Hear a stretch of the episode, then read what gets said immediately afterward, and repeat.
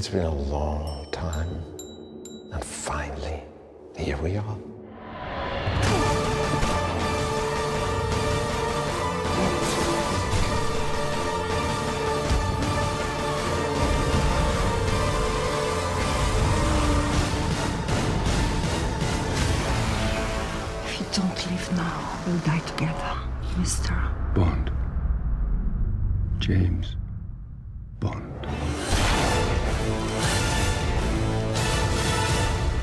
Navnet er Frelst. Film Frelst. Velkommen til podkasten fra nettmagasinet montasj.no. Det er selvfølgelig James Bond-spesialsending, det her. Vi har eh, sett den nye James Bond-filmen og skal prate om den. Jeg heter Martin Sivertsen. Jeg sitter her på Skype med montasjeredaktørene Karsten Meinick. Hallo, Karsten. Hei, Martin. Hei. Hallo, hallo. Og Lars Ole Kristiansen. Hei sann. Vi har alle fått rukke rukket å sett den nye Bond-filmen. Og uh, vi må jo nesten gjøre som vi pleier, i og med at James Bond er en av liksom, filmhistoriens største franchiser, serie, følgetonger, seriefilmer, hva du vil kalle det. Vi må nesten liksom, ta en liten runde og si eh, Bare snakke litt om Bond generelt, før vi dykker inn i Spectre, som den nye filmen heter. Mm. Mm. Så Karsten, må du nikke mm her? ja, jeg nikker mm. Ja, altså James Bond. Når begynte du med, begynte du med Bond? Nei, altså jeg har, jeg har, vel et litt sånn gjennomsnittlig forhold til James Bond, vil jeg si. Jeg har ikke sett alle James Bond-filmene. Jeg har sett mange av de. Jeg tror nok at jeg først så Bond som ting som ble vist på TV før jeg hadde en sånn veldig bevisst filminteresse. Sånn at jeg bare husker det som sånn fenomenet. Litt sånn, litt sånn som Chaplin er sånn man, i hvert fall jeg støtter på det da jeg var liten. og Mer enn at jeg tenkte at det var liksom en filmkunstner fra stumalderen, stum, stumfilmsalderen som var skuespiller og regissør, og som noen gang komponerte musikk til filmene sine, og bla, bla, bla. Så var jeg bare sånn Chaplin. Det er de der svart-hvitt-filmene med han som går rundt med den hatten og barten, og det er ganske morsomt. Så følte jeg altså at Bond var bare sånn Det var på en måte noe sånn fenomen. Han som går rundt i toksidoen og pistolen? Ja, var, ja ikke sant? Og det er noe champagne og det er noe, det er noe ja, ditt og datt og noe dresser og bla, bla. Jeg hadde ganske sånn lite smart eller gjennomtenkt forhold til James Bond. Så det var i hvert fall aldri noen sånn filmformidlende familiemedlem eller noe i den dur som sa sånn Karsten, nå skal vi se på noe viktig. Nå skal vi se på James Bond. Og jeg har kjøpt alle videokassettene, og vi skal se det fra begynnelse til slutt. Det fikk ikke jeg. ikke på noen måte. Så for meg startet James Bond egentlig med Golden Eye, som kom på kino eh, midt på 90-tallet. Og da var jeg allerede kinofrelst, for å si det sånn. Og, og den slo meg som en utrolig fet uh, actionfilm i en tid hvor det var mye bra actionfilmer. Og, og da var jeg sånn OK, det her er jo OK, hva er det, hva er det her, liksom? Og da er det jo da kobler jo det med James Bond og liksom sånn og sånn, og forskjellige skuespillere. og alt det der. Og så har jeg på en måte fulgt James Bond. Jeg har sett hver James Bond-film som har kommet jeg, når den har kommet på kino, siden Golden Eye. Uh, og så har jeg sakten sikkert også fått et mer bevisst forhold til det. Og, og sånn sett. Men sånn inntil nylig, den Lars Ola har jo egentlig vært en Bond-formidler for meg. Når Bond-samtalen har kommet opp, så kommer Lars Ole med en liten sånn ja, Har du vært gjennom arkivet, da? Har du gått bakover? Nei, nei, jeg har, ikke, nei, jeg har aldri vært sånn komplett gjennom arkivet. Og, og nå etter at jeg så Spectre, jeg så den på fredag og i går gjorde jeg et veldig rituelt Det bringer meg sikkert nærmere Sanadu når det kommer til Bond. For i går kjøpte jeg James Bond-boksen. Nå har jeg gått til innkjøp av alle filmene for aller første gang. eneste gang. Så nå har jeg alle filmene på Blu-ray, så nå kan jeg endelig liksom dykke litt ordentlig inn i det. da. Forutsatt jeg for at jeg faktisk opprettholder at jeg er interessert. Jeg hva, si hva, er... hva, hva kosta den boksen? Den uh, veiledende pris det var 999, men platekompaniet hadde et uh, ekstraordinært 30% på all DVD- og Blu-ray-salg i går, som gjorde at jeg fikk den for 700 kroner. Jeg syns det var en ålreit pris. Ja. For den koster jo også det på iTunes nå. Ja, jeg har sett at den er på iTunes, men det syns jeg blir for dumt. Sånn, Hvis jeg først skal ha Bond-filmene, så er jeg jo hypp på å ha det i en litt sånn flott uh, boks, et fysisk format. Det det, denne boksen her er den som har med Skyfall, men som ikke er noe sånn der, der, der, det er lagt av plast i Spekter, liksom. Den er den Bond 50 år jubileums, bla, bla, bla. Ja, helt fin. Så da, mitt forhold til Bond er litt sånn ja, jeg har vært på gjerdet i forhold til sånn, noe sånn fandom, og jeg er ikke over og liksom har noe veldig nært forhold til Bond. Men jeg liker bra filmer, og jeg liker bra actionfilmer. Og James Bond er veldig ofte bra actionfilmer, så jeg har all mulig grunn til å like James Bond. Mm. Ja, jeg, apropos det du sa, jeg er helt motsatt av deg, Karsten. Jeg er sånn ja, Kan jeg få det digitalt? Streaming tilgjengelig overalt. Alle all my devices der. Så er det på en måte heller det enn en, en enn å ha det i hylla, liksom. Det er viktigere. Skjønner. Men, hadde du, men hadde, apropos motsatt av meg, hadde du det sånn da du var ung at det var sånn Bond-filmene på video? Og... Ja, du, var, du hva, jeg hadde akkurat sånn. Fordi Eller jeg husker veldig godt måten jeg kom inn Måten jeg oppdaga James Måten jeg ble klar over James Bond, da. Det var i eh, Det må ha vært 5 eller 86. Da jeg, bod, jeg var i, bodde i Paris med familien min. da, Og så da husker jeg at jeg så plakaten for A View to a Kill, som kom i um, 85, sikkert. da Uh, med, og det var en ganske sånn karakteristisk plakat, for det James Bond står der med ryggen til Grace Jones.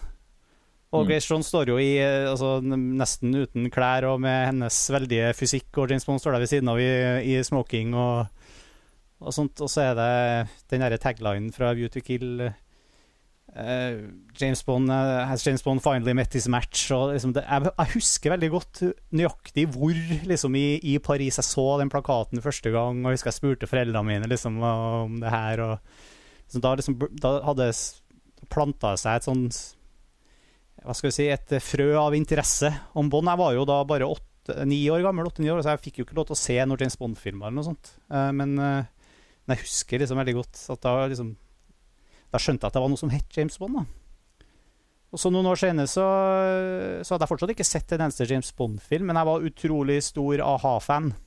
Jeg hadde liksom Jeg hadde a-ha og Michael Jackson var de to uh, som virkelig var betydde noe for meg i, i musikk da, da på, det, på slutten av 80-tallet. Og så Da kom jo selvfølgelig a-ha med uh, 'Living Daylights'. Ja. Og det var jo en eh, stor låt, så da kjøpte jeg jo liksom alt og lærte veldig mye om Living Daylights, selvfølgelig, før jeg fikk lov til å se den filmen også. Men hadde liksom eh, soundtracket på vinyl og, og alt det her, da. Men så kom etter hvert da, så kom da pappa med det eh, som du snakka om og du ikke hadde, da, Karsten. Da kom Mm. alle VHS-kassettene. Ja. Så vi kjøpte de liksom på en, sånn, en eller annen svensk sånn kolleksjon med, med VHS. Og så jeg liksom, jeg fikk, jeg fikk da etter hvert da sett alle James Bond-filmene, og vi hadde dem hjemme, så jeg så alle sammen mye, mange ganger. Så jeg, jeg vokste opp på en måte tenårene mine. Altså jeg, vok jeg så veldig mye Bond-film. da. Så det ble en ganske sånn integrert del av, eh, av oppveksten min. Altså jeg, jeg har et ganske sånn eh, nært forhold til til veldig mange av James Bond-filmene um, opp Nesten helt motsatt fra deg. da Altså opp til Golden Eye. Altså, eller opp til License to Kill, da, som var den siste filmen før det var en sånn glippe på seks år hvor det ikke ble lagd noe James Bond-film. Mm. Og før Pierce Brosnan kom, og sånn, så alt fram til og med Timothy Dalton, var jeg, var, da var jeg helt med. Og så, ja har jeg hatt litt, litt mer sånn løsere forhold til det eh, fra alt som har skjedd fra Pierce Brosnan og, og utover. Da. Jeg har selvfølgelig sett mm. alt der òg, men eh, Og der må jeg fortsatt innrømme at jeg syns Golden Eye er en veldig god film. Jeg har et litt sånn uh, uh, ja, mindre eh, intenst forhold til en del av Brossens-filmer. Jeg syns Pierce Brosnan er en veldig god James Bond-skuespiller. Jeg bare Mye av de filmene er ja, Ja, altså, det er bare- de, de, de, er litt sånn, de sklir litt over i hverandre for meg. Så jeg har ikke Ja, ja. jeg syns Golden Eye var en dødsbra film da jeg så den. Jeg hadde ingen forventninger til hva Jeg hadde ikke noe sammenligningsgrunnlag i forhold til hvem som spiller James Bond, og er Pierce Brosnan god eller dårlig Bond og sånn, så jeg syns jo bare det var en veldig god film. Syns fortsatt den er kjempebra, men han var jo ikke med i noen andre bra filmer. Alle de tre andre filmene, Bond-filmene var jo dårlige filmer, men jeg syns alltid Jeg synes Pierce Brosnan var helt super. Men Ja. eh, ja, vi kan komme mer inn Ikke på sant? det. kan vi komme tilbake til. Men sånn har det liksom vært. Så er jo, etter så har jeg fulgt James Bond. Men, eh, men jeg har, det er fortsatt de, de fra eh, License to Kill og nedover som har vært viktige for meg. Mm. Så ja, enn du, Lars Olle? Ja, altså Innenfor en sånn postmaskulinistisk diskurs, så er Nei, bare tuller. Eh, Lytterne bare oh, oh, oh, oh, og nå skjer det noe. Nå skjer det noe. Jeg tror Ja. heller ikke jeg har noe spesielt eh, tankevekkende å, å, å si om James Bond.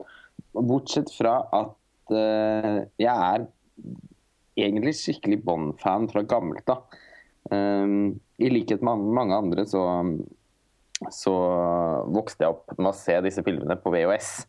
Uh, så det var min far som, som leide én etter én i videobutikken. Og så så vi dem sammen. Og på en danmarksferie så, så kom vi over en butikk i København som da solgte filmene én og én på VHS.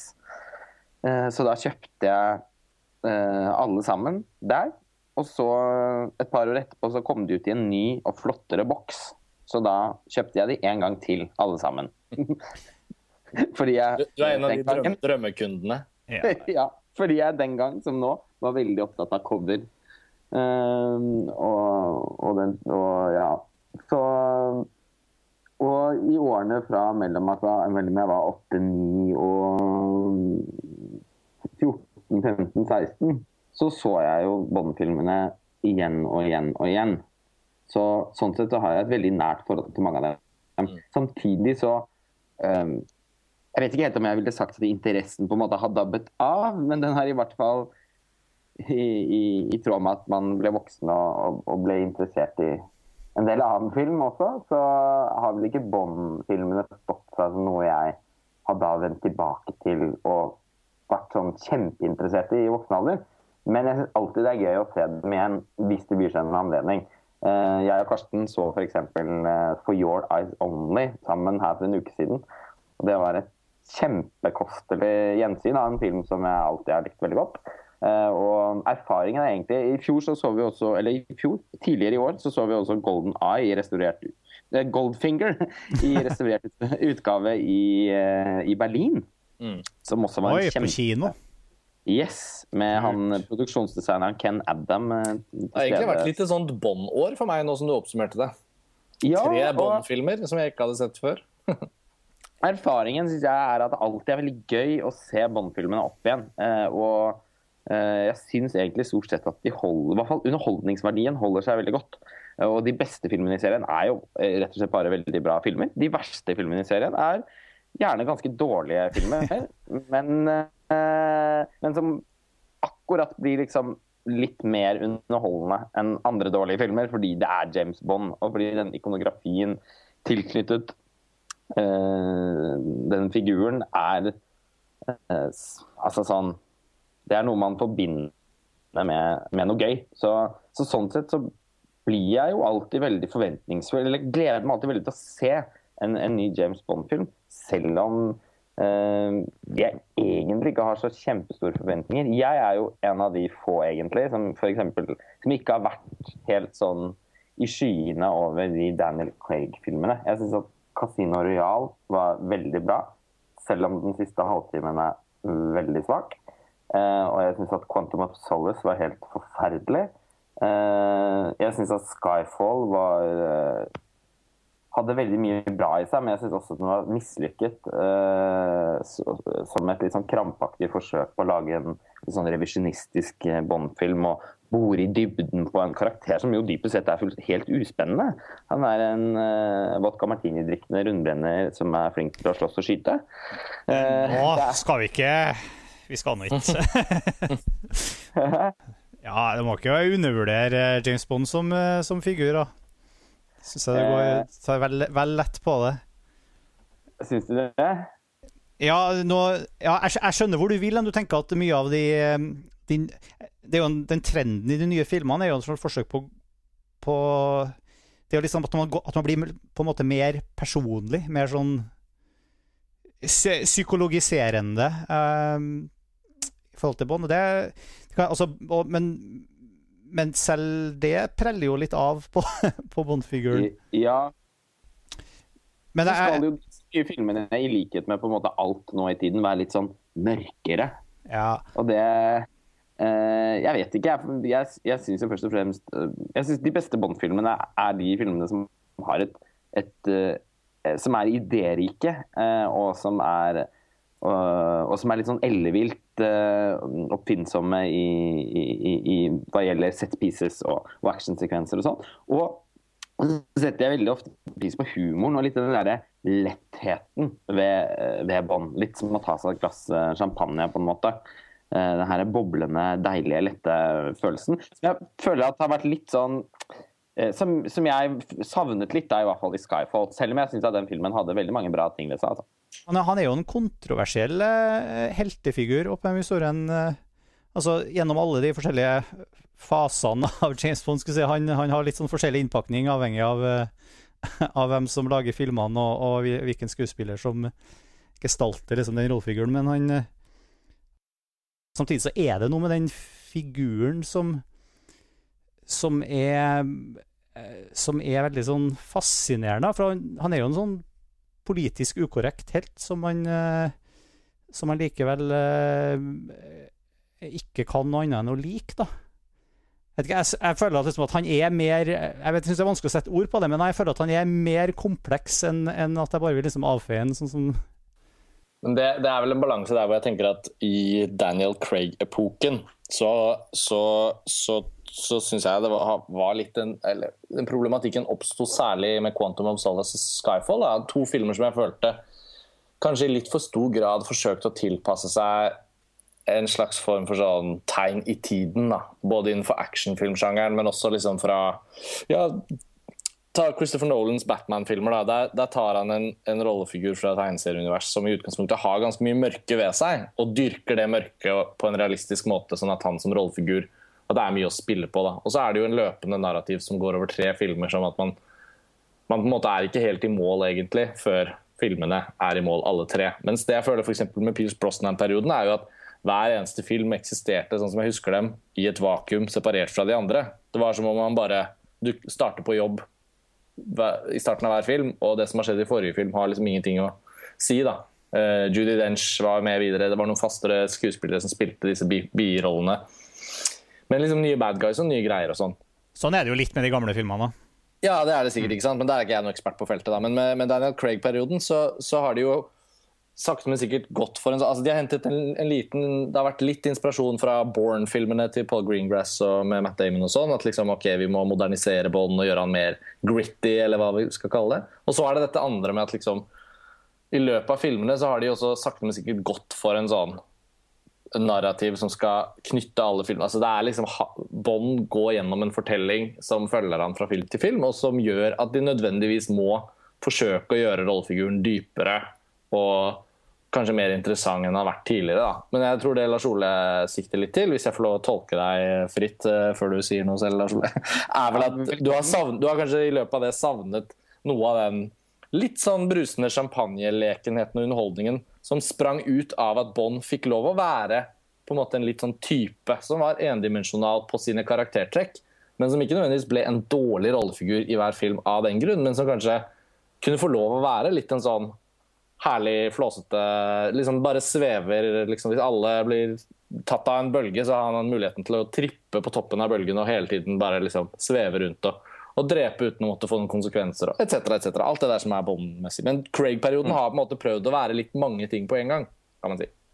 Ja, altså, og det er ikke det at jeg, jeg kan godt ha forståelse for at uh, andre har, an, altså sånn, har andre preferanser enn uh, en meg. Men jeg har, liksom, jeg har aldri sittet og klødd meg i skjegget når jeg har sett på en, en Bond-film med Roger Moore og tenkt Hvem er han egentlig? Hvor kommer han fra? altså, det er for meg det, det, var, det, var, ikke det jeg mente heller, Lars Ole. At det var, var bare med altså, Det er et eller annet sånn eh, rart med den til... Altså, det at vi er så Altså, vi, da, mener jeg, den kollektive Bond-fan eh, Verdens Bond-fans er så tiltrukket av den Altså, av den figuren, da. Um, mm. Kanskje mer For jeg er jo helt enig, han er jo tilsynelatende en, en, en ikke-figur. Ikke men uh, selv om han har liksom Han har jo ganske sånn uh, stabile trekk, for å si det sånn. Det er ikke mye reise, det er ikke mye character arc på Bond, for å si det sånn. Men, Nei, men også, så, er jo, så, er han jo, på en måte evig ung, kan man si. Ja, men han er jo egentlig også på en måte en slags sånn uspiselig karakter, samtidig som han er en slags ideal. og og ja. Det, ja, det er et eller annet der, men jeg er, helt, jeg er helt enig i det du sier, selvfølgelig. Og jeg er jo også den typen som foretrekker Altså, Quantum of Solace er kanskje den Også hos meg den filmen jeg misliker mest, kanskje. Nettopp fordi den er så hum... Altså hum... Hva heter det? Humørløs? Eller så humorløs, eller hva du vil kalle det. Den, den, den, den har, har, det er rett og slett ikke noe glimt i øyet igjen, som er som er det, noe av det som, som, må, som, er en sånn nødvendig ingrediens i en Bond-film. Mm. Altså Quantum of Solace følte aldri jeg at var en Bond-film. Eh, I likhet med 'License to Kill' eh, fra slutten av 80-tallet. Det snakka vi mye om, har vi snakka mye om før, eh, Lars Olav. og der vet jeg at vi er uenige. Men eh, om akkurat Ja. License to Kill Jeg husker ikke hvilken Filmfest-episode vi snakka om det. om, Men, eh, Nei, Det husker jeg ikke, jeg kan ikke huske dette, her, men for for den, li- eh, den liker. Det er jo en av mine favoritter, faktisk. En av favorittene dine? Oi! License to Kill, Ja. ja. Ja, ja. Veldig flott sang, da, 'Gladys Night'. ja, ja. Det har jeg veldig varmt forhold til, den filmen. Altså. Men vi nærmer, vi, Men okay, Eh, vi nærmer oss også den nye Bond-filmen som har kommet. ja, skal vi snakke Ja, litt om eh, Spekter, dere? Nå, nå er vi liksom i en sånn post... Uh, Ja, nå er vi på slutten av episoden vi tar litt sånn Jeg skulle til å lage en bro, eh, og den broen var at uh, uh, mange av de tingene som jeg da som, som nå fremkommer at egentlig virker det som om vi alle tre setter ganske mye pris på eh, på en del av de liksom klassiske båndingrediensene. Og eh, da er det i hvert fall gledelig å kunne konstatere at de er veldig til stede i Spekter, som i eh, i en helt annen grad eh, enn de to foregående eh, Craig-filmene er en veldig sånn klassisk Bond-film. Sånn som jeg ser det, i hvert fall. Jeg følte litt som jeg satt og så på en slags sånn En montasje. altså en slags uh, kavalkade av, eh, av uh, Bond-tropes, eller hva man kaller det. Altså sånn jeg, jeg følte at jeg satt og så en uh, re... En slags reboot av masse, masse gamle klassiske Bond-scener og sekvenser, og slått sammen i, til en slags eh, ny eh, salat av en bondefilm. Jeg får si det sånn. Ja, det Den, den, ja. den, den er veldig refererende. Det var så mange ganger jeg satt og liksom hm, Men det er jo akkurat som i Også da tenk tilbake på en, en tidligere Bond-film. Ja. Jeg hadde det jo ikke helt sånn, for jeg følte ikke at det er så lett for meg å plukke all verdens av forskjellige referanser. Jeg, og nå regner jeg med at alle som hører på, er akseptable til at vi snakker om ting som kanskje regnes som spoilere, eller Ja, Vi må Ja. nesten ha spoilere. Ja, sånn at Hvis ikke du har sett Spekter og ikke har lyst til å ha noe avslørt, så er det bare å skru av nå.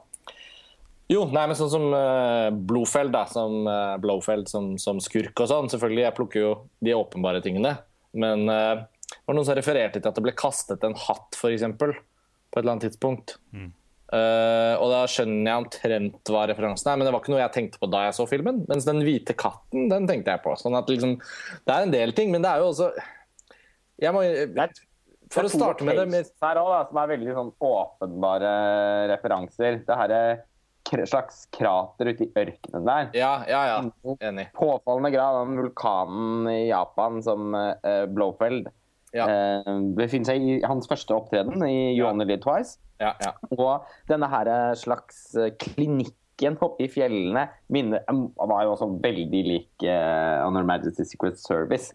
Så det syns jeg var ganske eh, tydelige, men på, på en måte også litt sånn snedige nikk. Ja, jeg kan jo også, jeg også ikke minst uh, den uh, Han uh, muskelbunt-bad-guyen som han har en lang slåsskamp med på toget, er også en ganske sånn eh, kickback til From Russia With Love, hvor uh, han slåss ja, med, med Donovan Grant på toget. Og allerede i åpningsscenen, som jeg for så vidt syns var helt, helt fantastisk, eh, åpningsscenen, men altså der uh, jeg fikk også der, Apropos License to Kill, jeg tenkte umiddelbart på den scenen hvor han sitter og sni, sniper ehm, øh, gjennom vinduet på en måte inn og, og følge med på, på Sanchez-skurken eh, fra en sånn sniperposisjon. eh. altså, jeg, tenkte umiddelbart på den scenen eh, der. Og det, det var så mange sånne øyeblikk, da. Mm. Um, som, Den scenen- slåssescenen på toget med han muskelbunten altså han muskelbunten minnet jo i det hele tatt også en del om Jaws. Um, ja, og Oddjob slått sammen. Ja, på en måte. og det hele den, Mm. den slåssesekvensen minnet vel også ganske mye om en sånn slåssesekvens i The Spy Who Loved Me. ja. Eh, med Bond og Jaws. For øvrig en av mine favoritt-Bond-filmer. Men kan vi ta, skal vi ta det grunnleggende i forhold til Spectre, eller? For jeg er litt sånn hypp på å høre hva dere syns. For, Ja. for, for, for, for meg var dette en film som, som eh, Hvis vi tar et steg tilbake, og hvis jeg kan være han som liksom ikke er så inne i Bond, da Du syns det her blir for rotete, Karsten? Nei, men jeg bare får lyst til å begynne å snakke om det. Jeg bare hopper inn. Men så har jo ikke jeg de samme sånn hvilken slåsskamp i hvilken film på hvilket tog og sånn. Jeg klarer ikke helt. Så jeg bare, jeg bare slynger inn en ny, ny retning. Ja, for meg var jo dette en god film. Eh, til og med uten å være en Bond-film. Eh, jeg hadde en kort eh, samtale med lillesøsteren min i helgen, og så, så snakket hun om at hun skulle kanskje se den filmen. Og så vet jeg at hun ikke har noe sånn særlig nært forhold til James Bond eh, egentlig overhodet. Og da tenkte jeg at liksom, den kan jeg jo bare anbefale som en bra film. En bra actionfilm. Du kan, du kan sette deg ned og se Spekter og ha et liksom vagt forhold til James Bond, og du trenger liksom ikke kjenne referansene. Og Det er der jeg mener at referanser funker bra. Da, når de ikke, altså Alle de som kjenner dem og sånn kan si sånn OK, dette var sånn og sånn, og det ble litt mye av det. Men for veldig mange så er det jo ikke ting man plukker opp. Og da er det jo sykt viktig at filmen er en god film. Og jeg syns liksom Spekter klarte det mesterstykket å bare Veldig god underholdning. En klassisk fortalt liksom sånn spion-action-spenningsfilm. Ganske mye humor, og den typen humor som jeg kjenner at, at jeg ble sånn glad for. Jeg liker veldig godt den biljaktscenen i Roma. Og så liker jeg også at den tar et lite komisk skifte, hvor han dytter denne lille italienske eh, bilen foran seg, og den lille airbag-joken og sånn. Ja, det er ikke verdens mest originale med ting, men det sånn, det piffer opp, og det gjør det litt sånn fint. og James Bond som liksom spretter ut av bilen opp i en fallskjerm, og så lander han elegant og bare leker ingenting. Altså sånn, Alt det der syns jeg Spekter var veldig god på, og balanserte det veldig fint. Og gjorde det til en sånn litt sånn smukk, helhetlig, deilig, god filmopplevelse i seg selv. Og så syns jeg at den oppsummerte Daniel Craig-perioden på en overraskende bra måte. Jeg fikk faktisk lyst til å se de andre tre filmene om igjen, litt for å bare liksom Ja. Så det er min grunnleggende liksom jeg er veldig enig, egentlig overveiende enig med, med deg. Eh, jeg syns også jeg synes også Spekter var veldig vellykket som en, som en klassisk Bond-film. Eh, den har noen åpenbare svakheter også. Den har en Man kan jo godt si at historien altså, kunne vært uh, vesentlig mer spennende. Og, og jeg syns kanskje ikke disse altså dette slags klimakset med, eh, med Blowfeld eh, når han torturerer Bond via en sånn tannlegestolaktig innretning. Vet, det, det, var noen ting der som jeg syns uh, Som jeg ikke helt følte at svingte sånn som, som det skulle. Men jevnt over så syns jeg at uh, filmen har tilstrekkelig mange gode, lekre lekkert iscenesatte actionsekvenser. Eh, og noen ordentlig vellykkede Altså bare relasjonen mellom James Bond og hun karakteren til Lea Seydoux, som jo da gjør den altså den beste, eh, den beste Bond-dama på veldig mange år. Og kjemien mellom dem var virkelig liksom til å ta og føle på. Uh, og det var kult at hun fikk så mye plass og fikk liksom mm. bli en skikkelig karakter i løpet av filmen. Jeg syns også den biljakten i Roma var helt topp.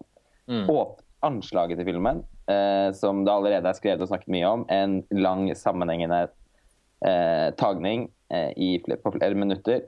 Sinnssykt virtuost. Eh, eh, en, sånn, altså en type sånn sekvens som man kan forvente å se i en Brian De Palma-film. Eh, mm. Og som den gjør liksom, Jeg føler at den også gjør at filmen starter med, med sånn selvsikkerhet. Man føler at man er i, sånn gode, at man er i gode hender da, med en gang. Og, øh, og det var også noen herlige jeg synes Den første møtet med Spekter der også, mm. hvor Blowfell bare sitter bak en sånn svart skygge. Og en scene som til å være en Bond-film tar seg utrolig god tid. Og, mm. Hvor det er masse stillhet, og uh, hvor man faktisk kjenner at En sånn skikkelig trykkende situasjon.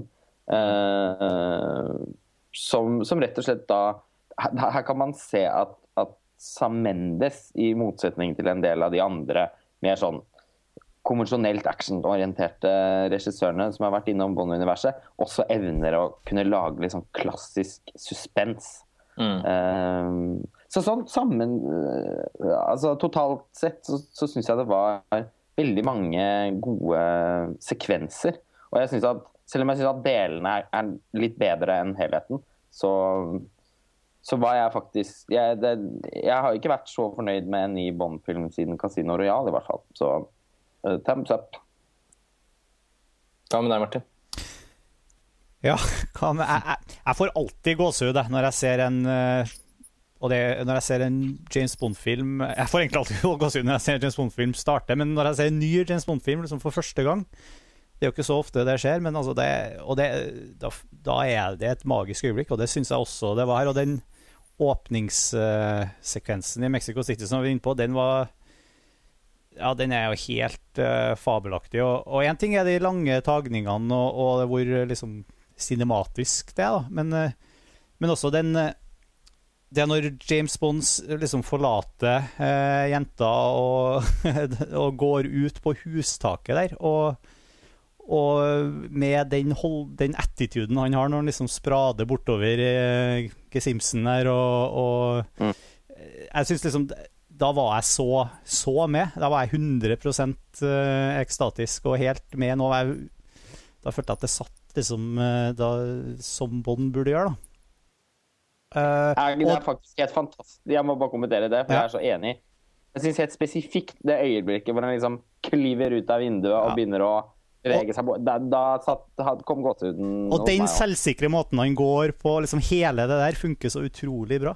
Og det, og, ja, det var helt fantastisk. Og helt, hele den sekvensen, altså, og inkludert altså, De har jo ikke gjort det lett for seg sjøl i den sekvensen. Det, sånn, det må sikkert vært en kjempedyr, vanskelig åpning, altså med så mye crowd scenes og helikopter, og selvfølgelig er jo Vi vet jo at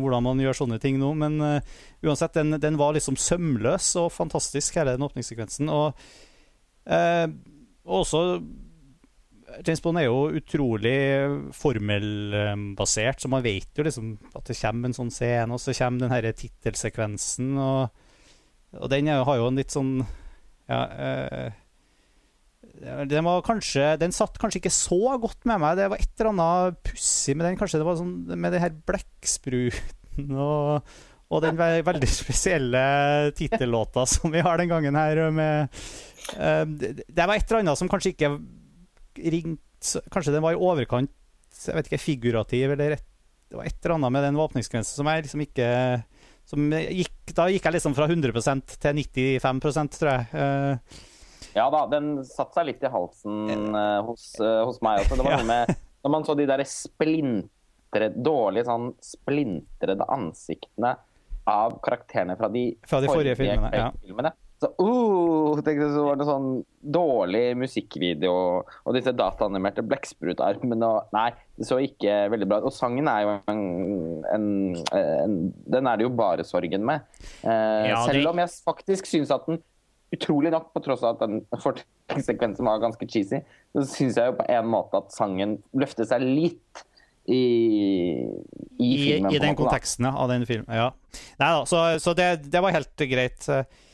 Og så hadde jeg veldig sansen for første delen av filmen òg, hvor, hvor, på en måte Og igjen, det er jo en av de klassiske filmene altså, Det er jo også en sånn Bond-konvensjon at ja, nå er vi i en sånn film hvor Bond uh, går rogue, som, som hvor han liksom uh, handler på, på, eget initiativ, selvfølgelig. Um, ja, men alt det her spillet og all det her dynamikken mellom, mellom Bond og, og eh, de uh, på homebase, altså de hjemme i MI6 og, og M og, og Money Penny og, og Q og Alt det syns jeg var kjempekult. Det var veldig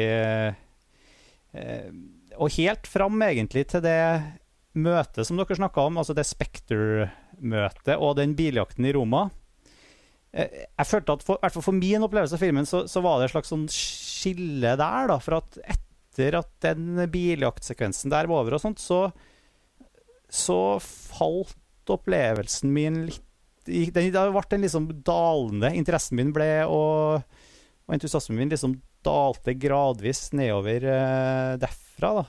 Um, uh, og, og jeg, jeg, prøver liksom å Hvis jeg skal tenke på hva det altså, jeg var litt inne på det i stad når vi snakka om hvordan det var sånt altså virker, Filmen virker litt sånn tom for Er det ene at den er litt sånn idétom, føler jeg. Um, det kan ha med manuset, men det kan også ha med måten de enkelte sånn, sekvensene er løst på. For en av tingene som føler karakteris har liksom vært en grunn til at jeg har vært så glad i James Bond hele tiden. Har vært den derre oppfinnsomheten som har vært i i, eh, i actionscenene og i uh, hvordan ting blir løst. da, altså, som, Her er det ofte løst med noen eksplosjoner og noe skyting og, og jeg følte liksom at det, i alle de her scenene som kommer etterpå, så, så En ting er at de rehasher gamle sånne James Bond-scener, men at de også mangla det lille ekstra som gjør at jeg virkelig liksom uh, fryda meg over dem. da. Um, det følte jeg var sånn gjennomgående for, for alt etter den Spekter-møtet, uh, Roma-scenen. Og, um, og liksom, vi går gjennom de her James Bond-motionene. Sånn, blir tatt til fange på basen til skurken og har den herre dialogen også. Men, men, det som kanskje gjør det ekstra sånn Jeg følte også veldig at plottet og den grunnleggende handlingsforløpet i i uh, Spekter minna meg utrolig mye om handlingsforløpet i den forrige filmen eh, 'Skyfall'. Jeg fikk uh, Jeg følte liksom at det, det handla om så mye det samme Jeg syns Altså Christoph Waltz og Å, nå glemte jeg hva han heter, han som spilte i 'Skyfall'. Um, Javier Bardem. Javier Bardem. Altså, jeg følte at de, altså, den typen altså, jeg følte dem var like. Jeg følte det her plottet med OK, det var M og, og hennes fortid og, og de, de, to rivaliserende agentene, men nå var det liksom James Bond og hans uh, sted På en måte i gåseøyne stebror og, og, altså Jeg følte at de plottelementene var veldig like. Den scenen i Østerrike ville vel, ga hvert fall for meg assosiasjoner til den scenen på den i Skottland med Skyfall. Du hadde, og og det her eh, Igjen, og den gjentagelsen av det her eh, Nå er 00-programmet i, i, fare, og her er det nye og Nå er det overvåkings... Nå er det det orwellianske teknologiske trusselen, og liksom eh, MI6 er utdatert, og Alt det her er på en måte Jeg skjønner at det er en slags sånn fortsettelse av plottet i Skyfall, men det, det føltes veldig likt for meg. Så jeg, jeg satt liksom og jeg, jeg mista litt interessen rett og slett i siste halvdel av, av filmen. Det er litt sånn som jeg også gjorde i For å trekke den eh, ja, eh, parallellen Jeg satt litt som samme følelse som jeg satt under jeg så den siste Mission Impossible-filmen, Rogue Nation. For jeg følte at de har liksom gått tom for altså var, Jeg savna noen, noen nye, gode ideer her, da. Var, Nå fikk vi jo aldri tatt opp en uh, Nei, ja. om eh, Mission Impossible. Jeg har ikke fått sett den uh, siste Mission, Mission Impossible-filmen, men det skal jeg jo jeg, gjøre jeg innen jo, året er omme, i hvert fall. Jeg kan jo melde at uh, jeg var veldig begeistret uh, for den, og nok enda mer begeistret for den enn jeg var for Spectre. Men, men, det er en, er en annen diskusjon. Men jeg er litt enig med deg, Martin, at um, på samme måte som i eller ikke helt på samme måte. fordi Skyfall så syns jeg virkelig den siste akten var veldig kjedelig. Og, og litt sånn ute av takt med hva, hva Bond er for noe for meg, da. Eh, det var jo nesten noe sånn Harry Potter-aktig over den herre godset ute på landet og jeg, jeg, Ja, men det er en annen diskusjon. Eh, men jeg er enig i at eh, selv om jeg syns den var, er ganske herlig, den siste, den siste actionsekvensen, Eh, hvor eh, Bond på en veldig sånn klassisk og oppskriftsmessig måte skal eh, rømme en bygning og få reddet eh, en kvinne. Eh, altså, og, og, ja. så er det en bombe og, som teller ned. Ja. en bombe tikker. Ja. Mm. Det, men den setter jeg veldig pris på. Men altså dette Det som på en måte egentlig er klimakset da, ute på her, eh, forskningsstasjonen, eller hva man skal kalle det, til, til til, eh, til eh, Blowfeld. Så der var det noe et eller annet med at det ble litt sånn tydelig for meg at historien ikke helt hadde lyktes med å bygge opp uh, en tilstrekkelig god fortelling. Altså, jeg, jeg følte ikke at jeg, jeg, hadde forventet meg at Blowfield skulle by på noe mer, rett og slett. At, at mm. Og James Bond hadde jo ikke noe mer å by på der heller. Han er jo bare ja, han skal jo bare, han, han, James Bond skal jo bare drepe han. Det er jo uansett. Altså, ja. Ideen om å låse fast han til en sånn stol, hvor han blir mm. torturert av sånne nåler, syns jeg var veldig mislykket i det. Eh, den er jo selvfølgelig minner jo en Kan jo sikkert være tenkt som en slags hyllest til en Ja, ikke lignende, men på sett og vis eh, lignende scene fra Goldfinger. Men eh, det var noe med Altså, jeg syns det var noe litt fantasiløst over måten de Etter en så god introduksjon da, av Blowfelt, som det virkelig er tidligere i filmen, så ja, det var noe litt sånn fantasiløst rundt hvordan de endte med å bruke han. For han er jo også da den absolutt mest ikoniske eh, Bond-skurken som alle Bond-fans har, et, eh, har et hjerte for. Og han fisla liksom bare litt bort. Ja, altså Ja. jeg tenkte sånn The Return of Blowfell Det er virkelig noe jeg har eh, imøtesett. Og ikke minst foreslått Gud vet hvor mange ganger eh, gjennom eh, de siste årene i møte med Bond-filmene da, så, eh, så har jeg bare under diskusjoner med venner og kjente eh, etter filmene sagt veldig mange ganger at åh, de burde begynne med altså Spekter bør komme tilbake. De burde, Blowfell, hvorfor kan de ikke eh, Hvorfor kan de ikke vekke han opp? fra, fra, fra glemselen. Og nå har de jo gjort det, så det var jo noe jeg imøteså med, med store forventninger, egentlig, men som jeg kanskje ikke syns at ble Akkurat det syns jeg kokte litt bort. Ja, ja det, der er vi jo Ja, jeg er helt enig.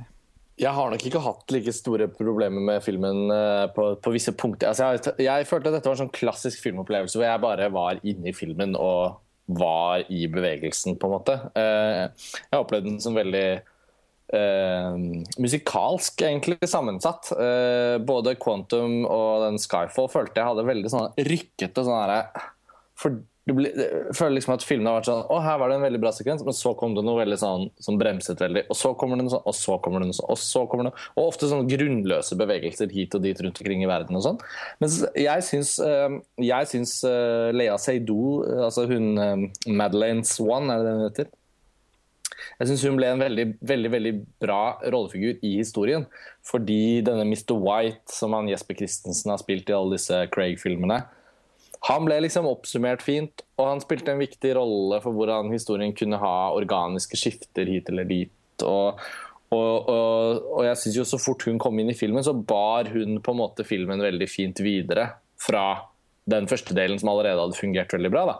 Og jeg synes kanskje det var sånn Når du putter Monica Bellucci inn i en film, og hun er en så fantastisk skuespiller, og hun ha, og, har så mye karisma i en så liten scene, så er det nesten synd at ikke historien har en bedre måte å integrere henne på mer. da.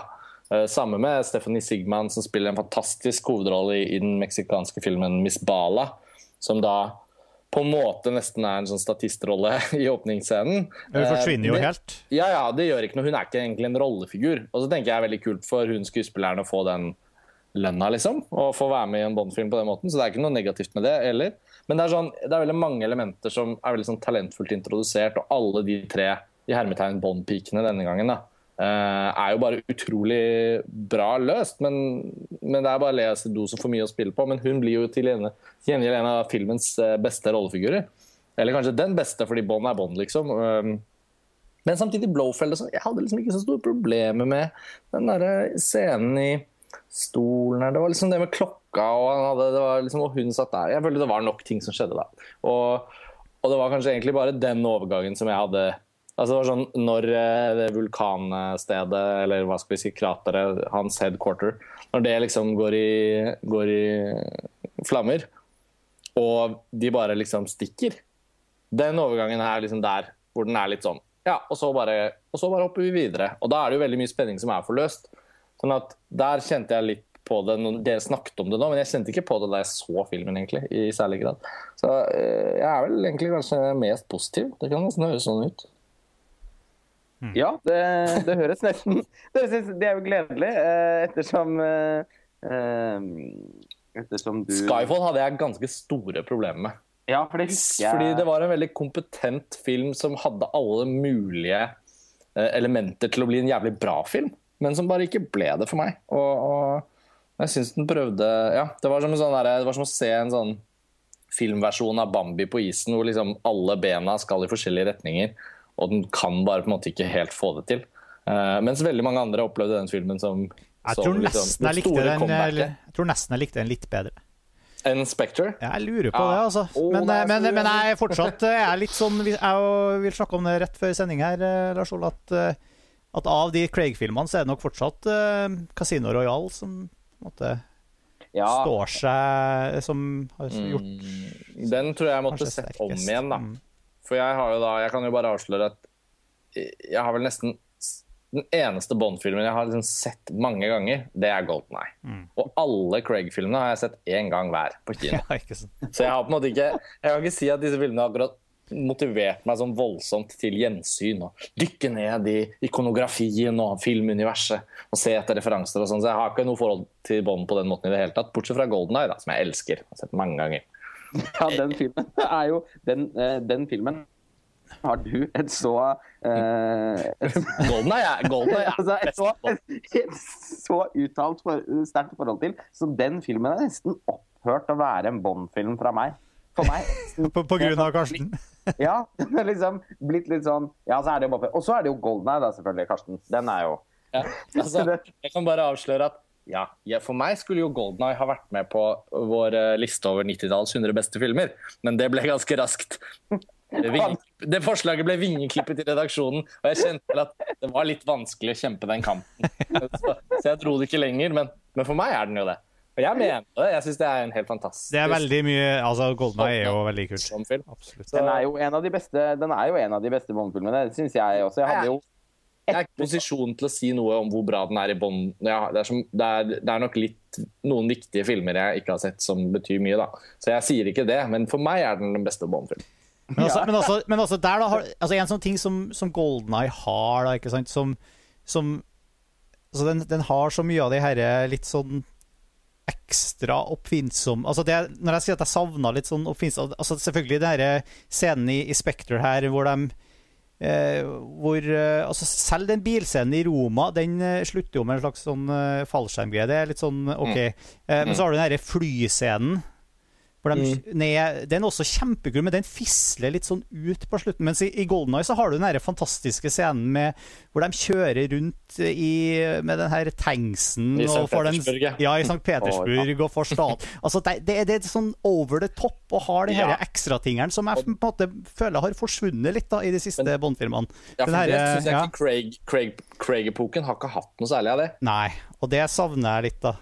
En ting er jo at jeg syns jo Pierce Brosnan er en, er en bedre Bond enn Daniel Craig, men eh, jeg elsker den derre sleskheten til, til Brosnan. Ja, ikke sant? Eh, men eh, men altså Nå var jo dessverre ingen av de andre Brosnan-filmene særlig gode, men Golden Eye har altså noen urkvaliteter som, som kanskje ingen egentlig av de Craig-filmene har. Jeg så, Etter at jeg, jeg og faren min var og så Skyfall, og begge var lettere skuffet over den på kino, så satt vi liksom et plaster på det såret umiddelbart ved å rett og slett bare sette oss ned og se Golden Eye.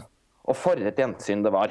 Eh, og til og med de liksom daterte tingene, som den Erik Serra-musikken og sånn, fungerte dritbra.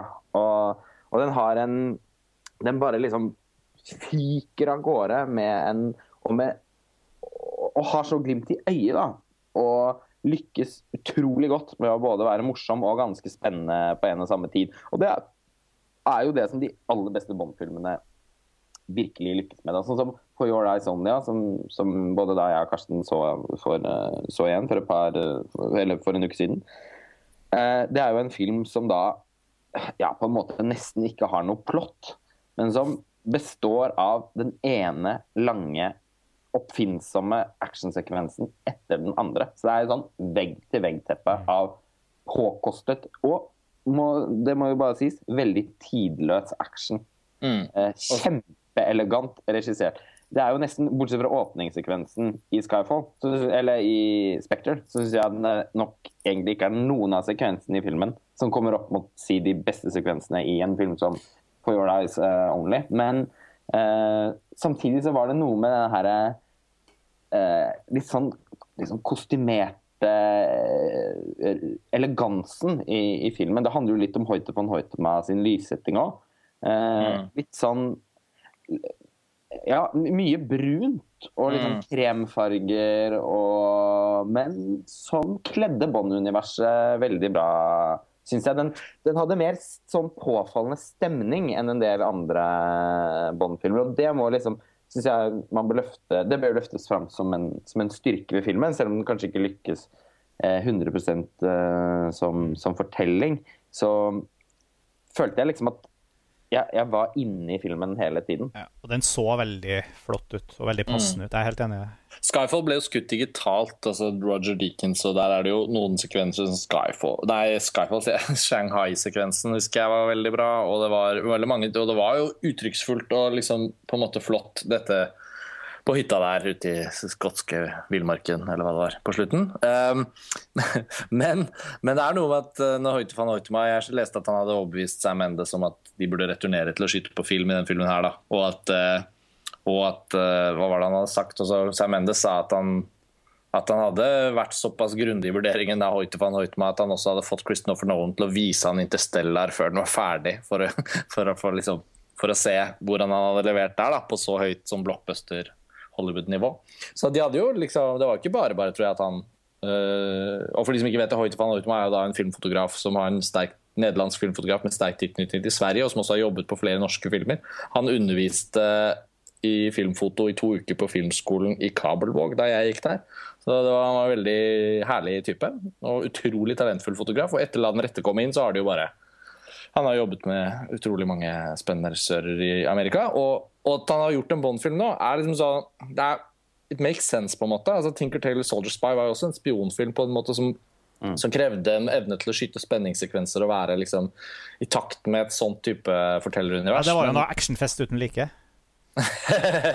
jo, men den hadde, den, hadde, den hadde elementer som man i hvert fall ser at uh, Og jeg så også at Sam Mendes var veldig begeistret for den filmen. Men, men, men eh, her har han jo virkelig lyktes. Jeg, tror- jeg syns du sa det veldig bra. At liksom, det er stemningsfullt visuelt filmunivers. Ja.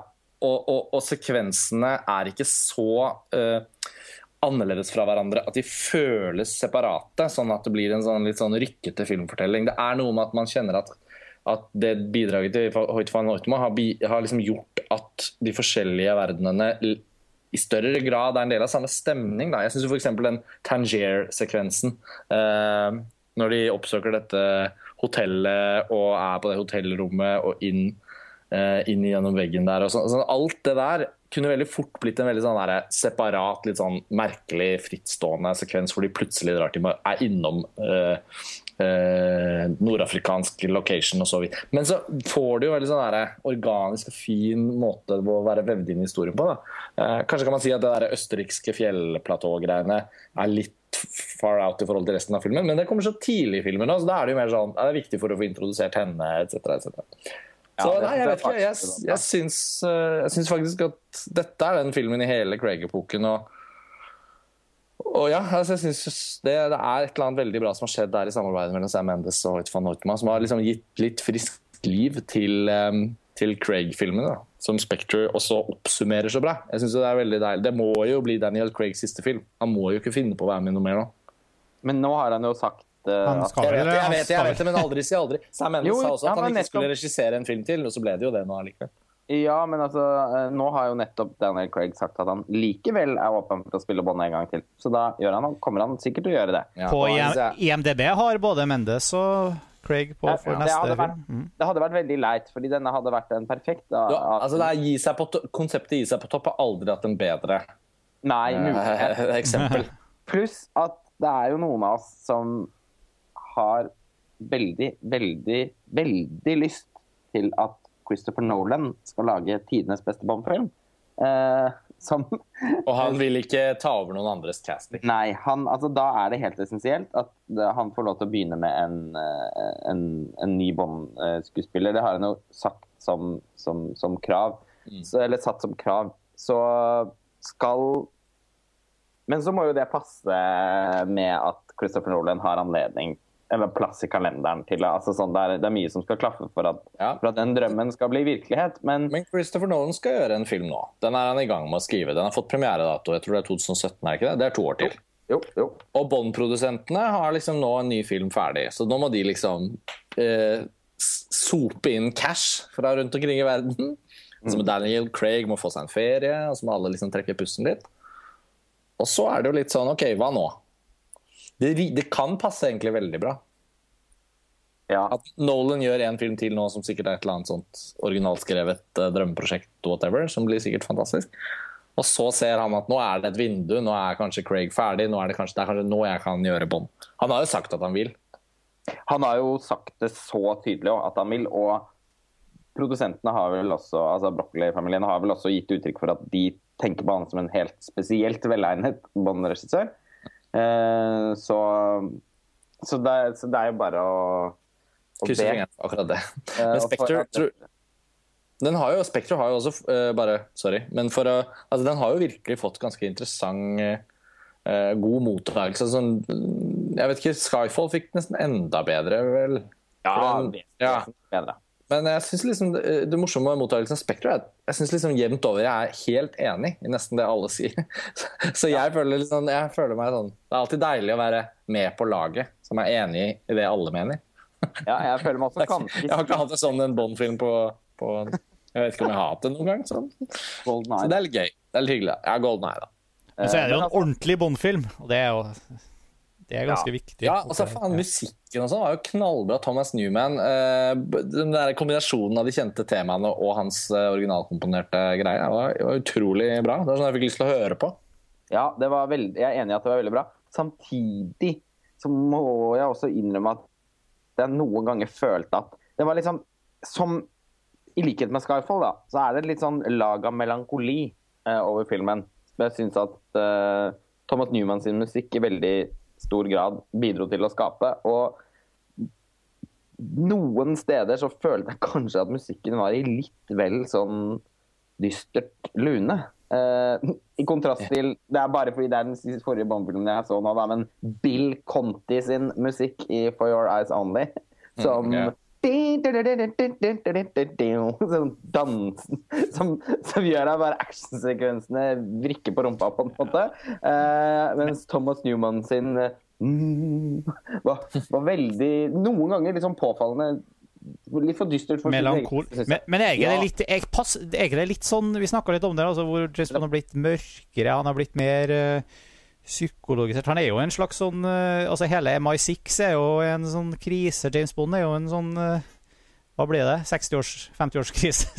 altså du, Det var det de sa i Skyfall, eh, eller var det den filmen før? You, you can't teach an old dog new tricks. Altså Han er jo veldig sånn det er veldig sånn liksom på, på skjæringspunkt med, med med den eh, med kontemporære verden med, med, med Facebook og produktivitetsmas og effektivisering og Altså, det er en slags sånn melokoli i hele konseptet som Sam Mendes springer til bånd nå, syns jeg. Det her er, det, det, det er liksom det nye bånd er på en måte veldig sånn Den er jo litt sånn Det er en slags sånn mørk, dister kri, sånn identitetskrisegreie rundt det.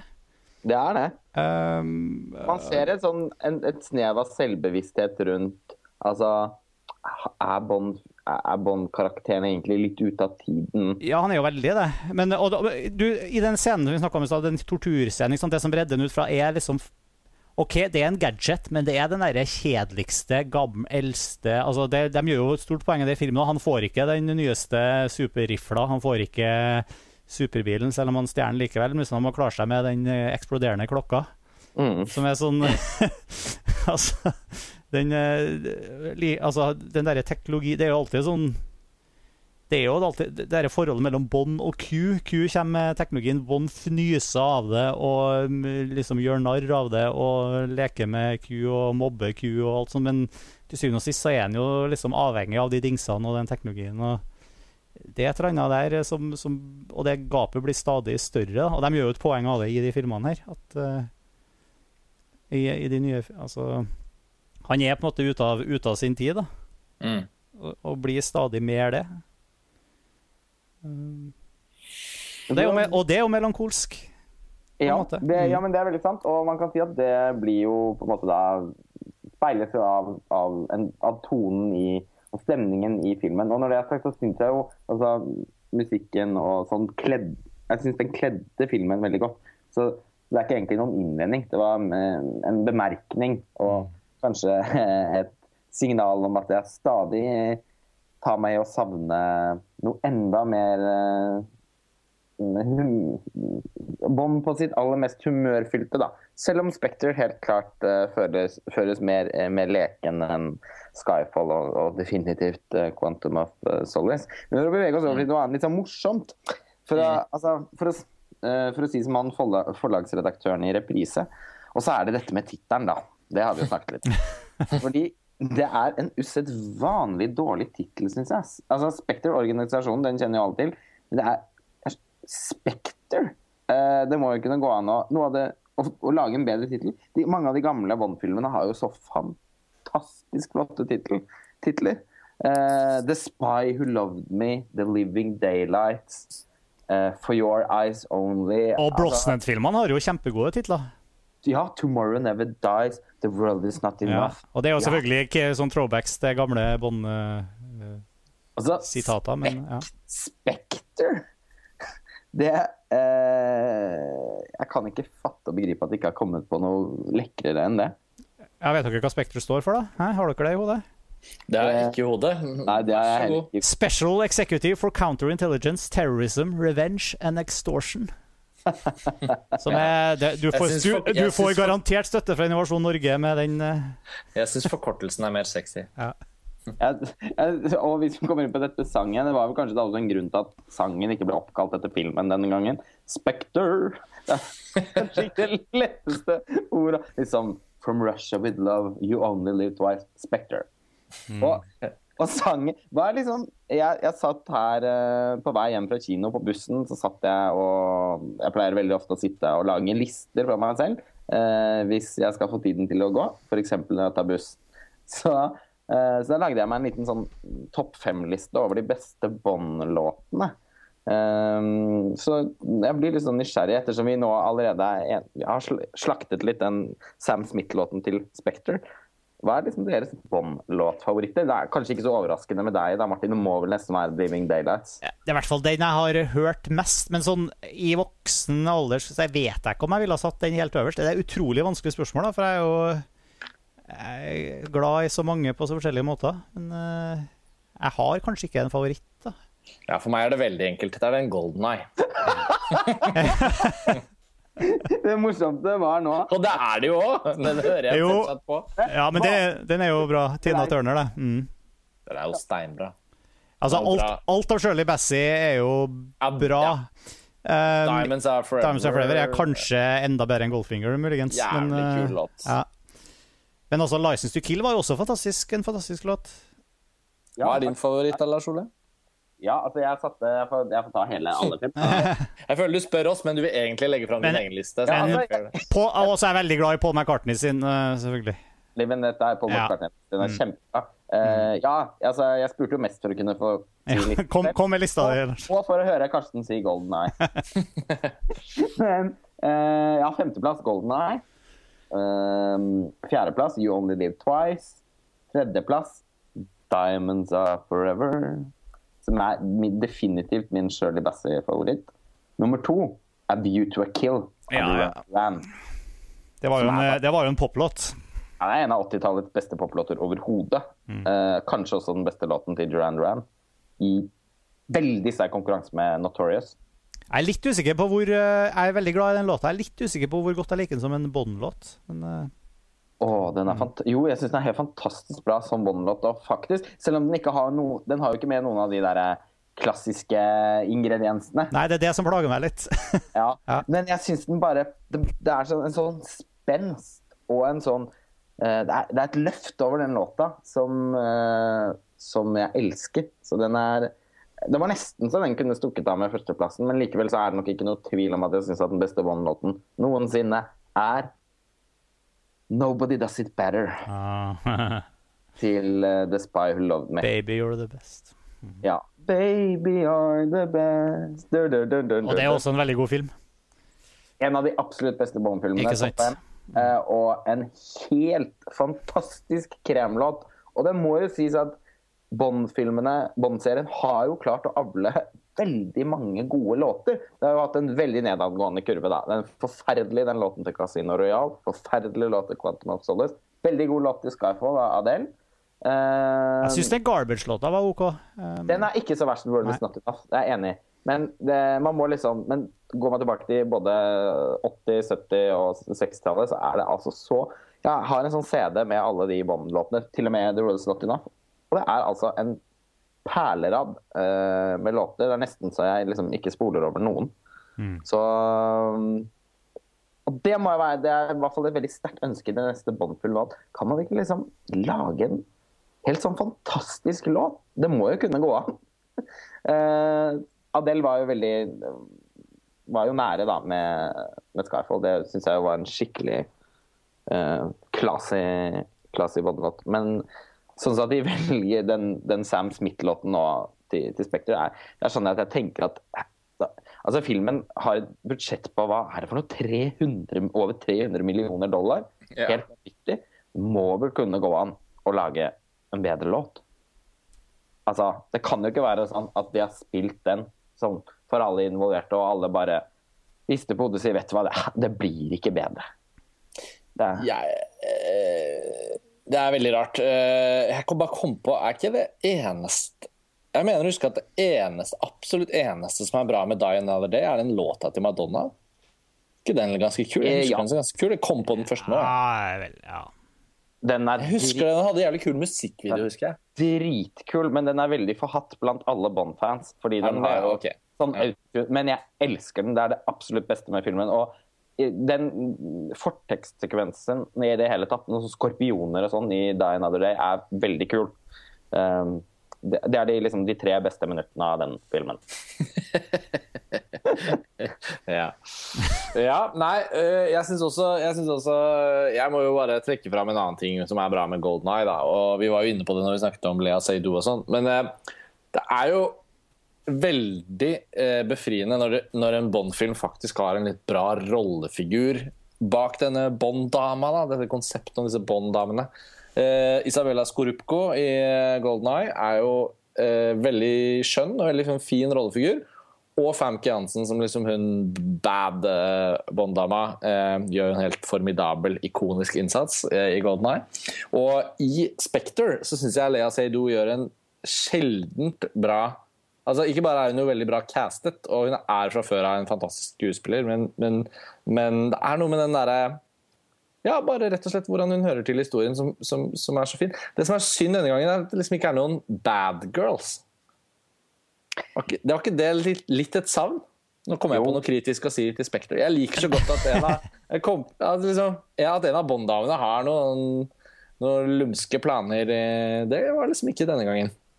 Nei. Uh, og de pleier jo Det er jo egentlig en fast ingrediens, det. Ja, det syns jeg er jo litt flott.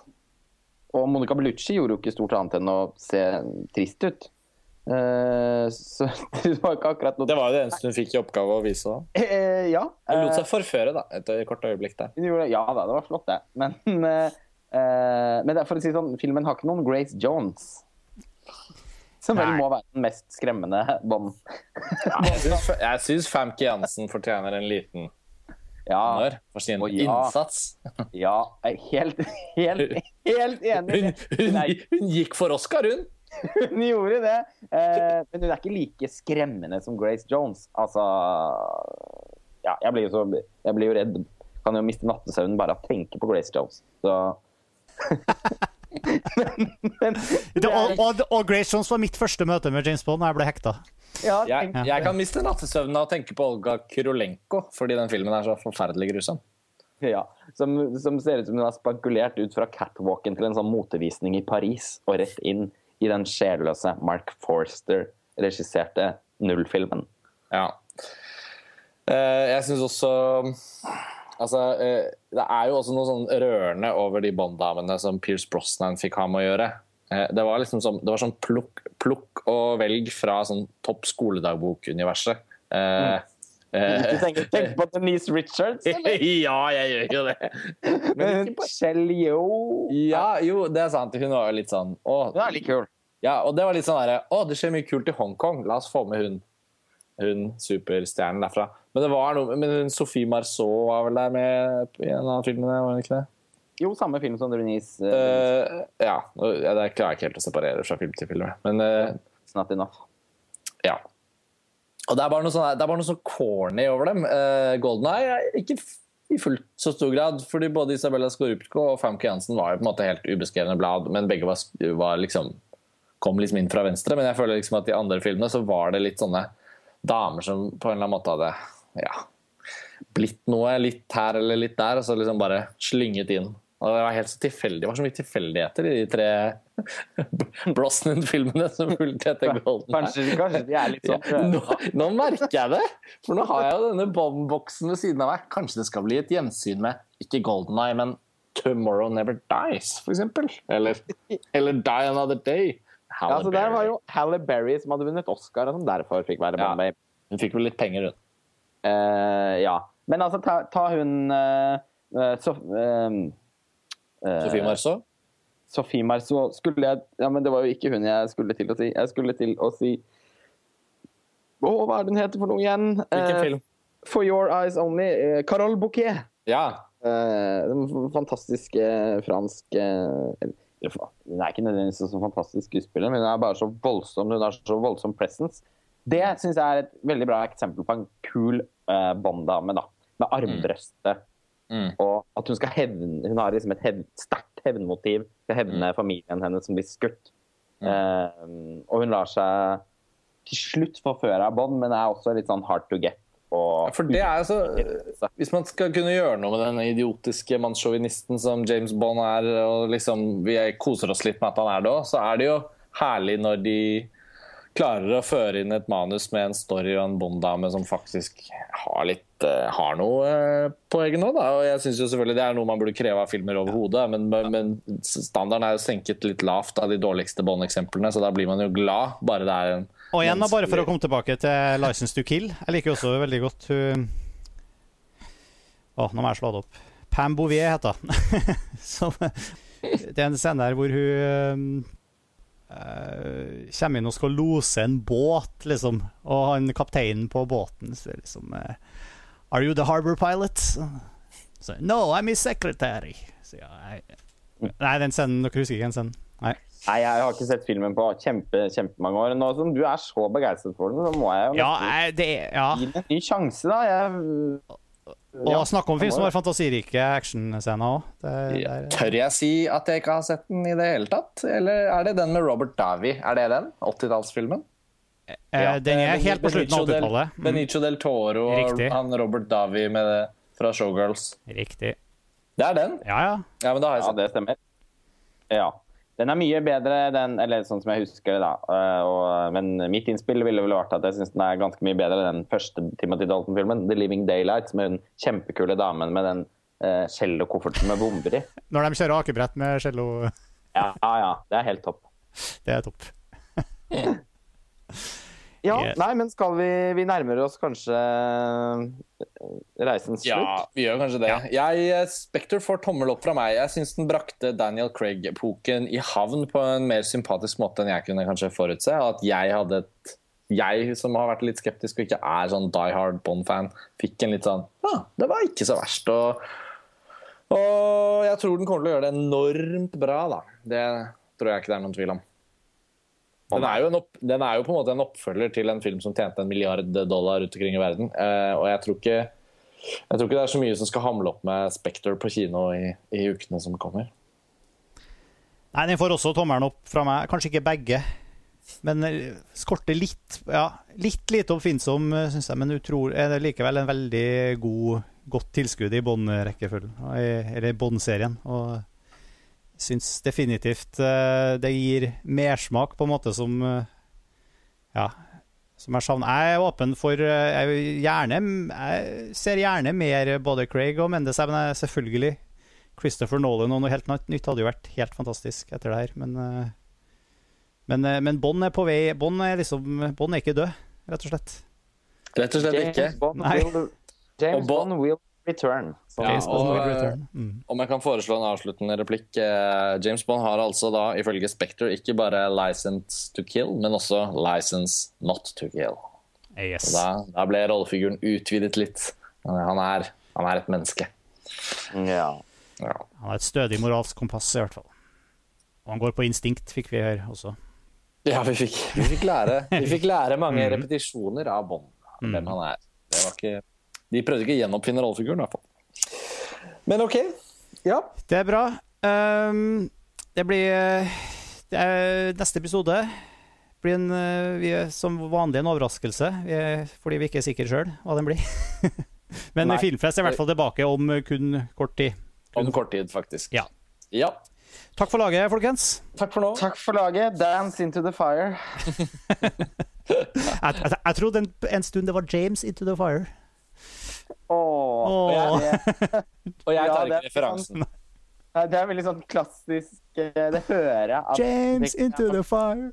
Å, det kunne nok jeg tenkt òg. Mm. Yes. Ja. OK. Vi snakkes, folkens. Ha det bra. Ha det bra. Ha det. Ha det.